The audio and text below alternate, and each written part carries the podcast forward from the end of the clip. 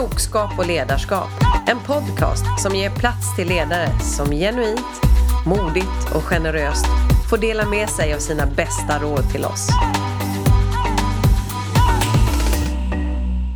Att vara tydlig som ledare ska vi prata om idag. Jag heter Berit Friman och är VD på Dale Carnegie och med mig har jag Jens Österberg som är försäljningschef på Rico. Välkommen Jens! Tack så mycket! Eh, när du ser tillbaka Jens, eh, och innan du själv blev ledare, vad var din bild av hur en ledare var? Jag kommer ju från eh, eh, idrottsvärlden från, från början. Ingen elitkarriär förvisso, men, men någonstans alltid spelat en, en lagsport. Och för mig har en, en ledarperson alltid varit en trygg, trygg individ. En, en person som man har kunnat gå till och fråga om råd och, och vägledning. Har du något speciellt exempel? Någon, någon speciell ledare som du kommer ihåg? Ja, absolut. Jag tror jag har haft ett par stycken. Framförallt inom, inom ishockeyn som jag spelat. Där har jag haft duktiga, i mitt fall, både yngre och äldre ledare. Men mm. ett, ett gemensamt eh, ord för dem är att alla har varit trygga, starka personer som har med en stor portion ödmjukhet. Mm. Hur skapar de trygghet då? Jag tror att de är väldigt närvarande. Eh, de coachar, de leder och de, de utmanar, helt klart. Mm, bra. Hur blev det sen då? För du blev ju chef själv och är ledare över ett gäng. För vad gör du nu? Idag arbetar jag som eh, försäljningschef på Rico Sverige, ansvarar över vårt Key Account-gäng i, i Stockholm. Um, och absolut, det var en utmaning för mig när jag var ny på Rico, helt klart. Vad var den största utmaningen då, som ny? Den största utmaningen, eh, ett, utmaningen som jag fick presenterad för mig, det var att hitta, hitta glädjen på säljgolvet igen. Ah. Eh, två, det var ju absolut att komma in i en grupp med, med starka individer som har jobbat på, på företaget under en lång period och vinna deras förtroende och respekt. Mm. Men eh, när du kommer in då som ny som chef, var liksom, när du tänker tillbaka på det, för det var ju några år sedan. Vad är det som sticker ut så här? Var det någon speciell utmaning som du fick ta tag i? En, eh, jag minns ju en tydlig, en tydlig situation där, eh, där jag fick ta chefskap över en av mina före detta chefer. En, en äldre kille. Mm. och det, det var en utmaning i sig, absolut.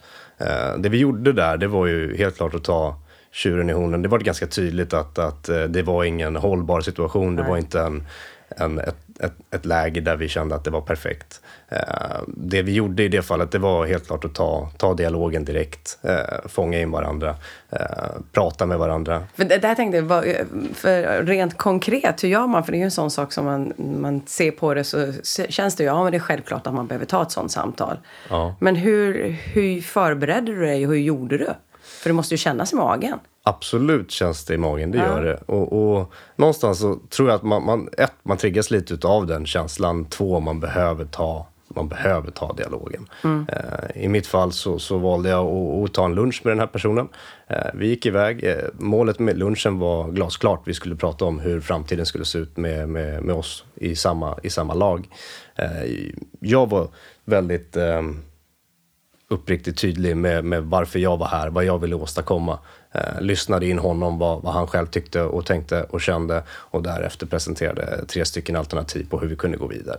Och ett av de alternativen landade vi en vecka senare. Mm. Blev det ett bra alternativ då? Ett bra alternativ för oss båda. Det, det fanns, jag tycker alla tre alternativen var bra alternativ. Mm. Eh, I det här fallet så jobbar vi inte med varandra längre och det kanske är bra. Mm. Men vi är goda vänner i, i efterhand, så att, mm, eh, lyckat. Mm. Vad lärde du dig av, av den här situationen när du tittar tillbaka på den? Jättetydligt att, att faktiskt inte dra ut på saker och ting om den är obehagligt, det, det pirrar i magen. Men ta dialogen på en gång. Var tydlig med vad du vill och, och någonstans städa av det på en gång. Mm. Du sa att du har en grupp som är... Dels är det många som är väldigt duktiga i din grupp men du har också, vad jag förstod, ett brett åldersspann i din grupp. Du har personer som är äldre och sådana som är ganska unga och inte har jobbat så länge. Ja. Hur gör du för att motivera varje individ? För motivation är ju någonting som är väldigt individuellt. Verkligen så. Det, I mitt fall, jag, jag tycker det, ta, ta tiden att lära känna de personerna, de individerna du arbetar med. Lyssna till vad, vad de själva vill och mår bra utav och motiveras utav. Och det säger ju alla, att man ska ta tid att lära känna och så vidare. Så, så, men liksom rent konkret, hur gör du för att lära känna dina medarbetare? Jag träffar min personal väldigt mycket. Jag är väldigt närvarande med den, de personerna jag har i min grupp. Eh, spenderar tid med dem på arbetstid. Vad, vad gör ni till exempel? På arbetstid. Mycket avstämningar, eller mycket avstämningar, jag ska inte alls säga att det är, men mycket mm. kvalitativa, eller fler kvalitativa avstämningar. Mm. Eh, sitter månatligen med varandra, avsatt tid. Vi sitter i kvartalsavstämningar för att någonstans säkerställa att vi har eh, gjort det vi har kommit överens om att vi ska göra och sätter en plan för nästkommande kvartal. Mm. Inför varje försäljningsår så, så sätter vi även upp en, en, en, en businessplan för personlig utveckling och hur jag kan hjälpa till att utveckla företaget. Mm. Och när man pratar om personliga målsättningar eh, så blir det mycket lättare att lära känna personalen och någonstans hitta och se vad de själva tycker är, är attraktivt. Mm. Har du något exempel på hur du gör för att hitta då vad var och en liksom motiveras av? Ja, det blir ju, det, i början, det är ju inget självspelande piano. Det är mycket, mycket frågor, mycket dialog, mycket diskussion. Och jag menar, alla går inte igång på materiella ting. Många vill ha fritid, många vill ha mer tid med sin familj. Medan andra egentligen går igång på, på självförverkligande och självuppfyllande. Så att, eh, dialog, prata med varandra, lyssna och hjälp, hjälp dem att hitta, hitta de målsättningarna om de inte själva vet om dem. Hur gör du då när det kommer in en yngre person som är hungrig, som vill mycket och så vidare? Och så har du de här som jobbar mer strukturerat och planerat och eh, liksom, de är ju väldigt olika. Absolut. Ja. Och det, är, det är ju en rolig utmaning, en möjlighet ärligt talat att lära känna de här individerna. Jag har, som du själv nämnde, en yngre skara och jag har en äldre skara. Eh, går vi till en yngre så, så där hade väl jag lite förutfattade meningar till en start och tänkte att men det är klart de vill genomföra det här eller hitta materiella ting. Men i mitt fall eh, på den individen som jag tänker på nu, det var ju så långt ifrån det man kunde komma. En, en bra affär eller ett självförverkligande så var inte det han gick igång på utan den här personen gillade att göra banbrytande saker, genomföra affärer eller, eller samarbeten som, som, eh, som vi på Rico inte hade genomfört tidigare. Det är någonting som man motiveras utav. Men hur löser du det då inom ramarna? För du har ju ändå din affär. Och liksom, finns det utrymme för att göra den typen av individuella anpassningar? Absolut. Det är i takt med att vår våran bransch, vår affär utvecklas hela tiden. Och på så vis så kan den här individen vara, vara lite av en banbrytare på, på Rico Sverige. Och det tror jag är jättebra. Mm. Hur gör du med dem då som vi säger som är mer ja, som gör det de ska göra. Men eh, vi vet ju alla att vi har ju lite mer i oss. Hur gör du för att plocka fram det här lilla extra hos dem då? Där tror jag att det, där får man nog bryta lite trender eller gamla vanor. Eh, jag tror till exempel att eh, har man en, en individ som, som år efter år efter år genomför sina resultat och, och, och ligger i, linje med vad, vad vi kan förvänta oss av den personen så kan man försöka möblera om planeringen och strukturen i hans, i hans eh, i arbetsliv. Ehm, någonstans bygga. Jag har ett exempel där vi har en kille som, som eh, alltid startade eh, Eh, kvartal ett på året lite halvdant och gasade in i bomben kvartal fyra. Det blev en stressig tillvaro och inte särskilt optimal. Eh, genom att, att tweaka lite på hans planering, titta på hans kundportfölj, eh, titta på vilka möjligheter som finns så lyckades vi få honom att göra ett superb kvartal ett föregående år. Fortsätta med ett starkt Q2 och i princip vara klar med sitt försäljningsår i början av Q4. Och det gav honom en, en, en helt annan ro i kroppen och ett helt annat lugn. Vilket bidrar till en, en bättre start även i år. Hur påverkar det gruppen att du har olika, eller egentligen att du har olika lösningar för var och en av dem?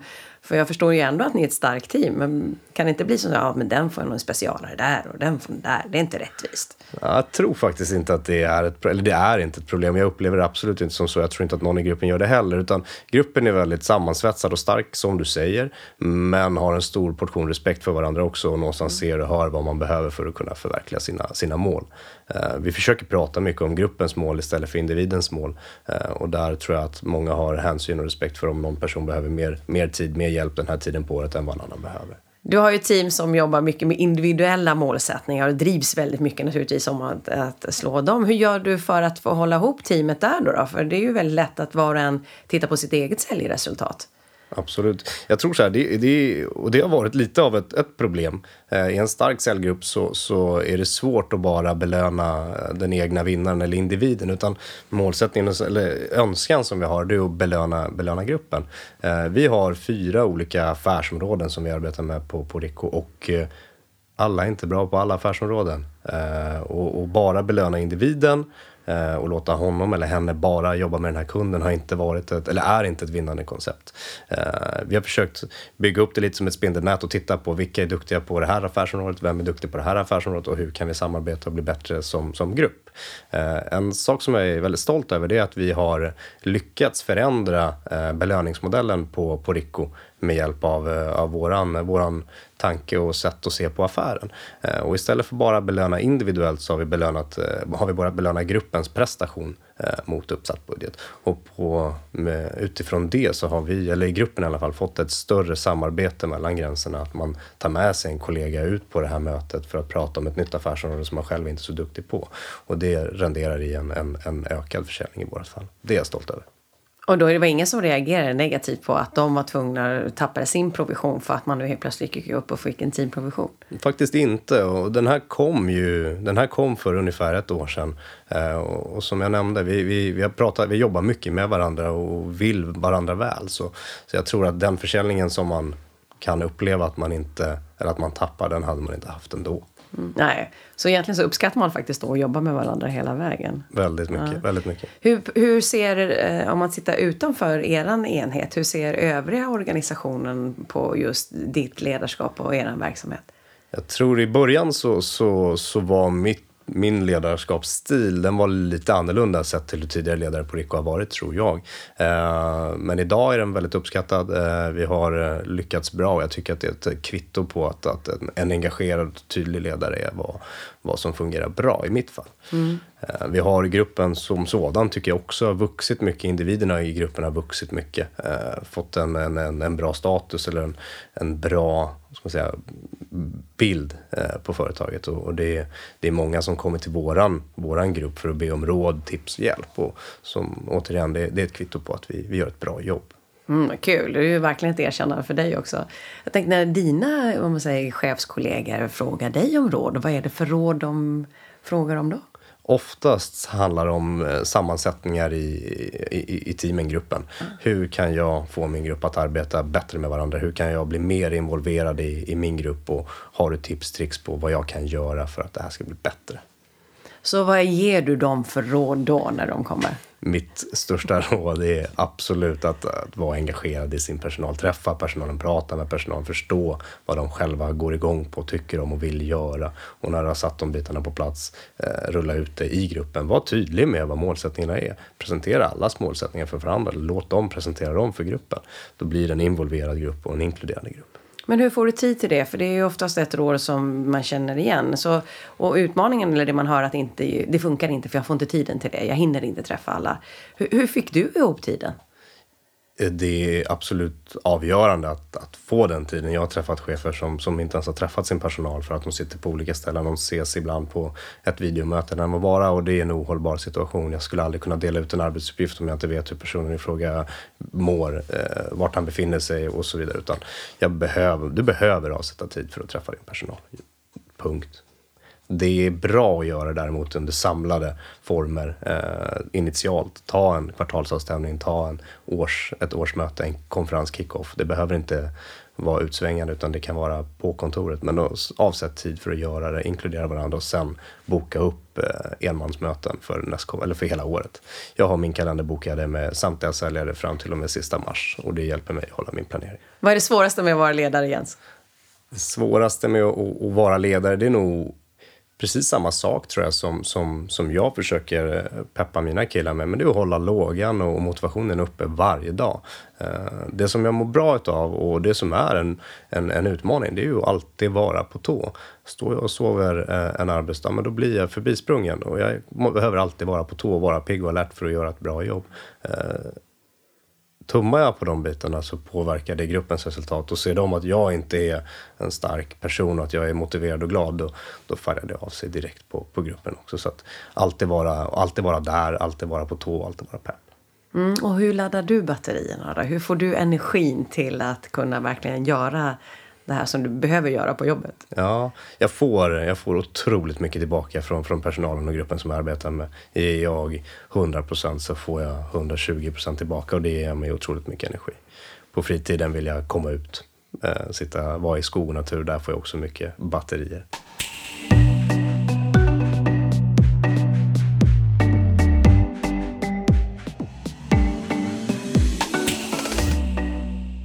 Men hur gör du då för att hålla engagemanget uppe i, i gruppen? För det som säger, det är team som är... Alla har sina individuella målsättningar och ändå så har ni en bra teamkänsla. Så, så hur gör du för att hela tiden liksom få ihop gruppen och, och supporta varandra? Vi, eh, vi pratar mycket i, i, i grupptermer. Eh, en för alla, alla för en är en, är en klyscha, men den funkar, den är bra. Eh, jag tycker att om man involverar och inkluderar samtliga i gruppen i de flesta lägena där man kan vara med och påverka så vinner du mycket commitment snabbt. I vilka sammanhang tänker du på, speciellt där du är mån om att involvera dem? Absolut i min affärsplan inför förekom, eller för kommande försäljningsår. Där vill jag att alla ska vara delaktiga och vara med och påverka. Eh, vi brukar alltid samlas eh, någon form av konferens, antingen internt eller om vi tar oss iväg någon annanstans och någonstans pratar med varandra och ser till att sätta spelplanen för, för nästkommande försäljningsår. Ehm, jag personligen jobbar i en grupp med, med enbart män. Uh, och där har väl en utmaning varit att inte få den här alltför grabbiga stämpeln i, i gruppen. Uh, och de här konferenserna har varit jätteviktiga för, för mig att få en, en bra solid grupp som, som, uh, som genomsyrar rätt värderingar. Helt mm. Men hur gör man det? För det är ju också någonting som vi pratar väldigt mycket om. Att det är viktigt att det är då jämställdhet och det är mycket diversity som ja. pratar om. Hur gör du för att få det, att, att, att den värderingen, för den är ju väldigt stark hos dig. Ja. Hur får du den att genomsyra hela teamet? Jag tycker att, eh, det kan låta fel, men eh, man, man, får klä av sig lite grann på de värderingarna eller på den, den personen man är. Eh, och vi brukar jobba med, med övningar som, eh, som jag har lärt mig från, från Dale Carnegie, framförallt Heta stolen. Att ge positiv feedback, positiv beröm till varandra, eller genuin, genuin positiv feedback ärligt talat. Sen så eh, jobbar med övningen på, på vad kan jag bidra med till gruppen? Mm. Det här är styrkor som jag besitter. Jag skulle vilja hjälpa er andra med, med de här bitarna om jag får möjlighet. Och, och vad behöver jag själv hjälp med från gruppen? Eh, och någonstans visa både sina styrkor och sina, sina svagheter och någonstans hjälpa varandra i den konstellationen. Ja, vad bra. Gör ni det på en kick-off då? Eller så ni, ni är samlade och gör en, en sån övning? Eller? Absolut, det ja. gör vi. Det gör ja, Kul. Vad, vad, vad, blir det för, vad, liksom, vad får du för reaktion när du då sätter ihop, en sån, sätter ihop gruppen och berättar ja, men det är det här ni ska berätta nu. Ni ska ge varandra uppskattning. Ni ska tala om vad ni själva kan bidra med och vad ni behöver hjälp med. Va, va, hur ser de ut när du säger så? Nej, men i, början, I början var det ju inte så oklart. Det var det verkligen inte. Det var ju den här pausen från att jag lämnade över till att första man skulle kliva upp. Den, den, den var ju lite längre. Men idag så, så, är det ett naturligt beteende hos oss. Och det märker man även när det kommer in nya individer. De faller lätt in i, mm. i den här äh, känslan eller de värderingarna som vi har och anpassar sig snabbt. Jag tror att de mår väldigt bra i det. Hur lång tid tog det att skapa den för, för, det blir ju en liten kultur som ni har hos er. Så, så här, hur lång tid tror du att skapa den kulturen? Jag tror aktivt arbete, minst ett halvår i alla fall. Mm. Sen så ganska, jag ska säga, ganska snabb, snabba resultat utifrån att man startar. För folk börjar prata med varandra och tänker på varandra på, på, ett, annat, på ett annat sätt. Men aktivt bearbeta med det, absolut. Så ett halvår, sen tror jag att det någonstans sitter, inte i ryggmärgen, men det sitter i bakhuvudet på, på, på, på individerna. Mm. Eh, jag tänkte också på, du sa inledningsvis det här med att du verkligen la dig vinn vid att lära känna dina medarbetare. Eh, och kan du inte berätta lite mer om hur du gör det? För du jobbar ju inte bara med själva din medarbetare, utan du jobbar ju med medarbetarnas familjer också. Absolut.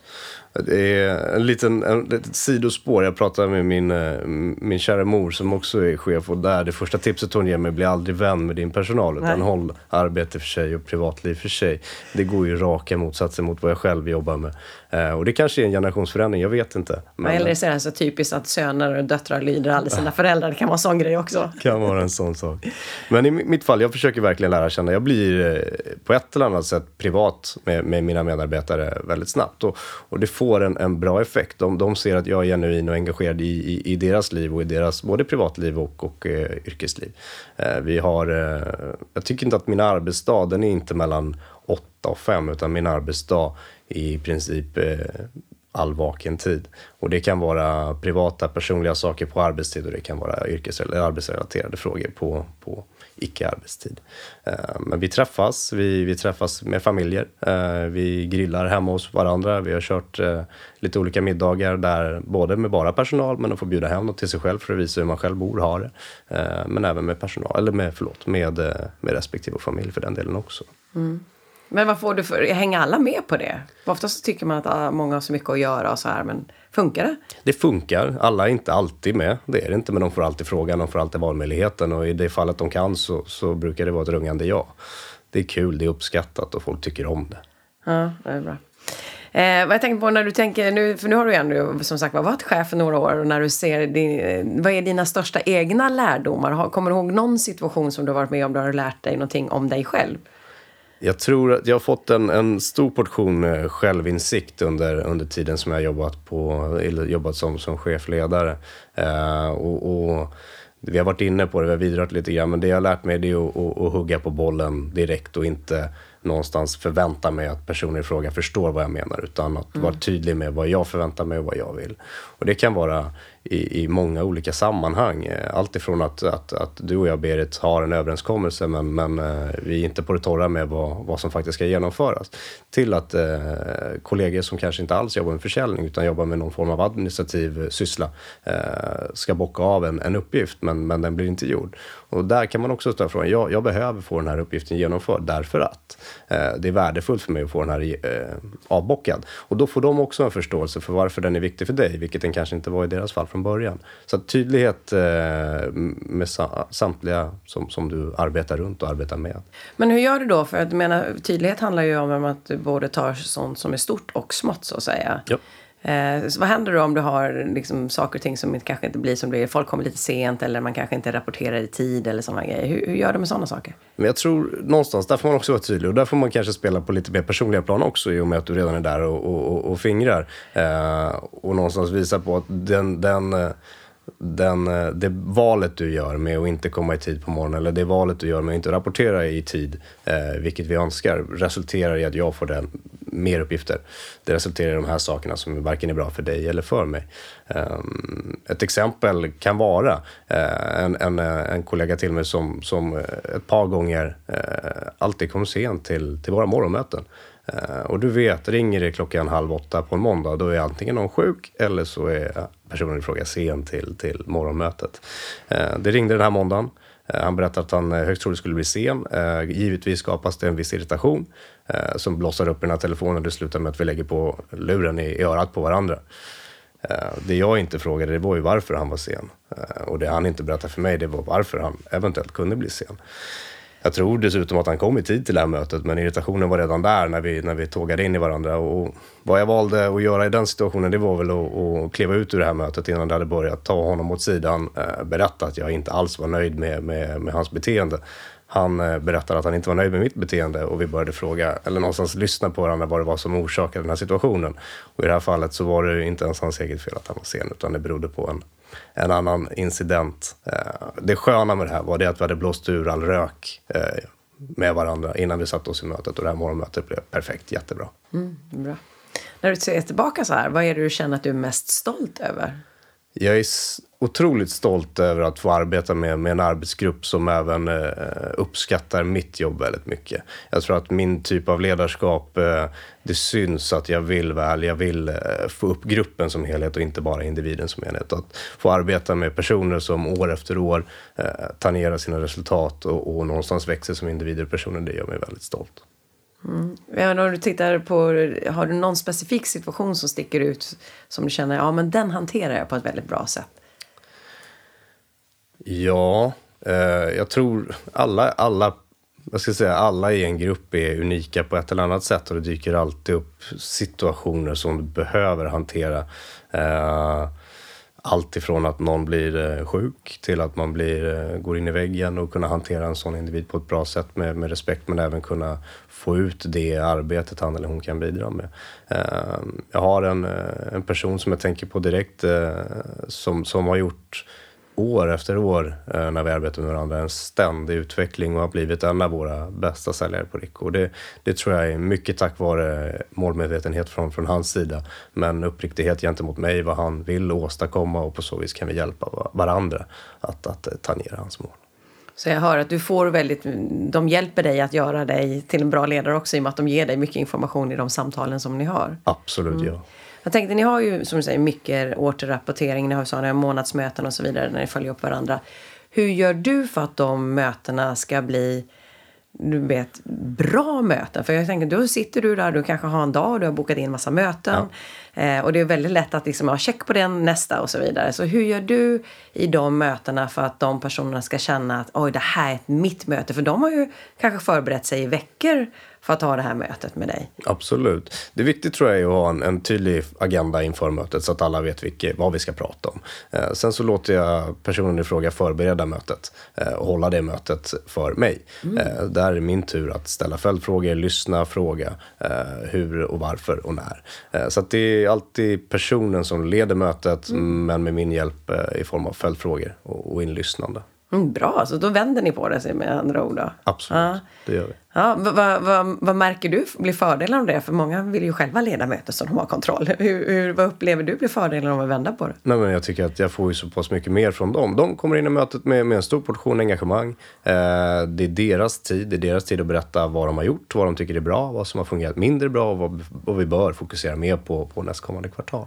Så att jag tycker att jag får en, en, en mer engagerad medarbetare som är mer laddad för det här mötet än om de bara skulle komma och lyssna på, på vad jag har att säga och tycka och mm. tänka. Bra. När du ser framåt då, vad är det du tror är er största utmaning eh, som, är, som väntar om man säger kanske då ett, ett år, ett, två, tre år framför ja. Jag tror så här, det som alltid är en utmaning det är att hålla medarbetare motiverade och se till så att de utvecklas. Det, det, det är och det kommer nog alltid vara en, en utmaning tror jag. Eh, men att hitta affärer, hitta möjligheter eh, där man känner att man utvecklas som, som person.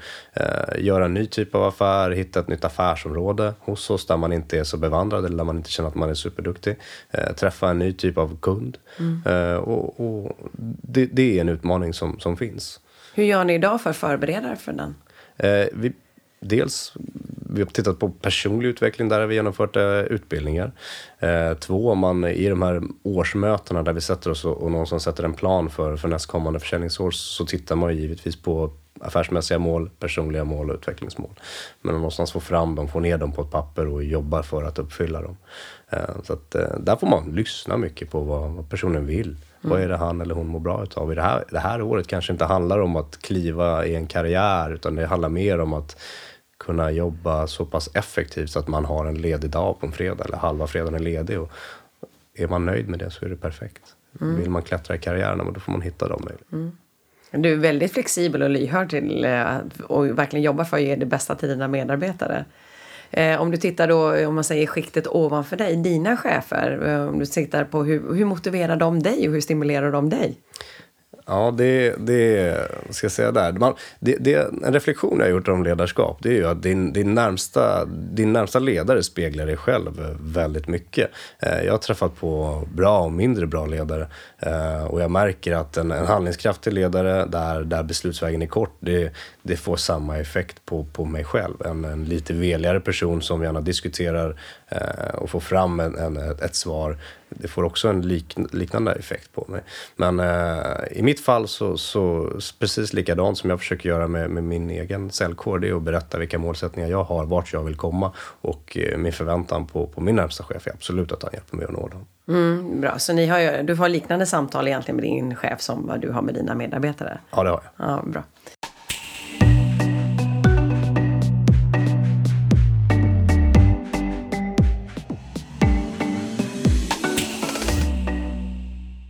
jag tänkte på om vi ska avrunda då och titta på om du nu skulle få sitta där och bara ge liksom dina tre bästa råd till eh, personer som sitter och lyssnar på det här. Vad skulle det vara för råd som du ger dem och varför ger du de råden? Nummer ett är att eh, ta dig tiden och, och, lära känna din personal. Eh, jätteviktigt om, om du frågar mig. Du får så mycket tillbaka och det är en investering i tid, men du får, tillbaks, eller du får det tillbaka i engagemang och och eh, i välvilja helt klart. Hur lång tid tar det att lära känna en person? Jag skulle säga att det är en färskvara, absolut eh, pågående hela, hela tiden. Mm, okay. Eh, nummer två är var stark i ditt ledarskap, men var ödmjuk. Eh, prata och berätta. Var tydlig med vad du har för förväntningar, vad du vill att vi ska göra. Det finns mål, eller det finns eh, försäljningsmål på dig som, som chef, vad din grupp ska åstadkomma. Var tydlig med, med vad som förväntas av personalen, men var ödmjuk inför, inför uppgiften. Och det sista, eh, jag skulle vilja säga att man... Alltså, det kan vara obehagligt eller det kan vara roligt beroende på hur man ser på det. Men våga, våga utmana de personer du arbetar med, både eh, i din grupp men även eh, ovanför dig. Eh, du får ju en utväxling på det absolut om man fortsätter gnugga. Så att jobba med dem och, och det, det, det bidrar till allas utveckling. Så Jens, avslutningsvis, vad vill du säga till oss ledare? Jag tycker att nästa gång ni träffar era team, eh, samla alla, eh, be dem berätta för, för övriga gruppmedlemmar vad de är, eller vilka deras styrkor är och vart de kan behöva ta hjälp ifrån övriga eh, teamkollegor. Jag tycker också att eh, nästa gång ni sätter ett individuellt möte, låt din medarbetare förbereda sig för det mötet. Låt din medarbetare hålla i det mötet. Och din uppgift är ärligt talat att bara lyssna, ställa frågor och säkerställa att ni går åt rätt håll.